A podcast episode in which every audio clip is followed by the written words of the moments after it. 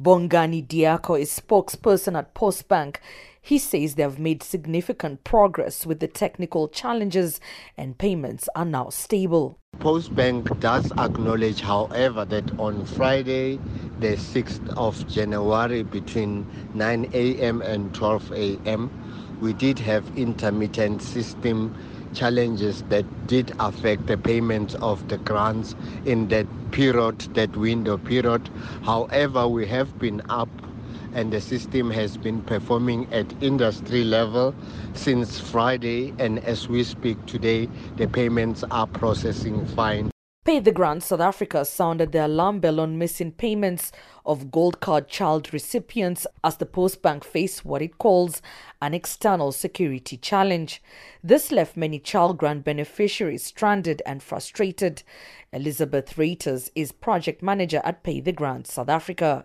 So this started back in November and then I got some queries about the gold. It started with the gold SASSA cards where people were asking me why their grants were not reflecting. When they go to the ATM, it was showing zero balance or, or the previous month's balance. Uh, there was a voice note also going around saying that people must change to their bank accounts. But then came to December, same issue happened, eh, but it only happens when it comes to the children's grant. Reuters recommend SASSA revert back to a manual system to deal with technical challenges faced by Postbank. She also points that a universal basic income grant of 1,500 rands per recipient be implemented to offset the inflation pressure on the current grant. Meanwhile, Postbank has apologized to grant beneficiaries.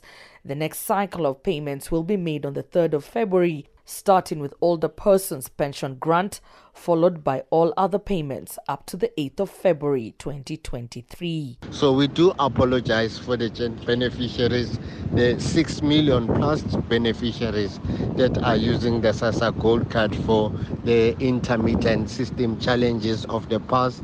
We know the role that the SASSA grants pay in the households.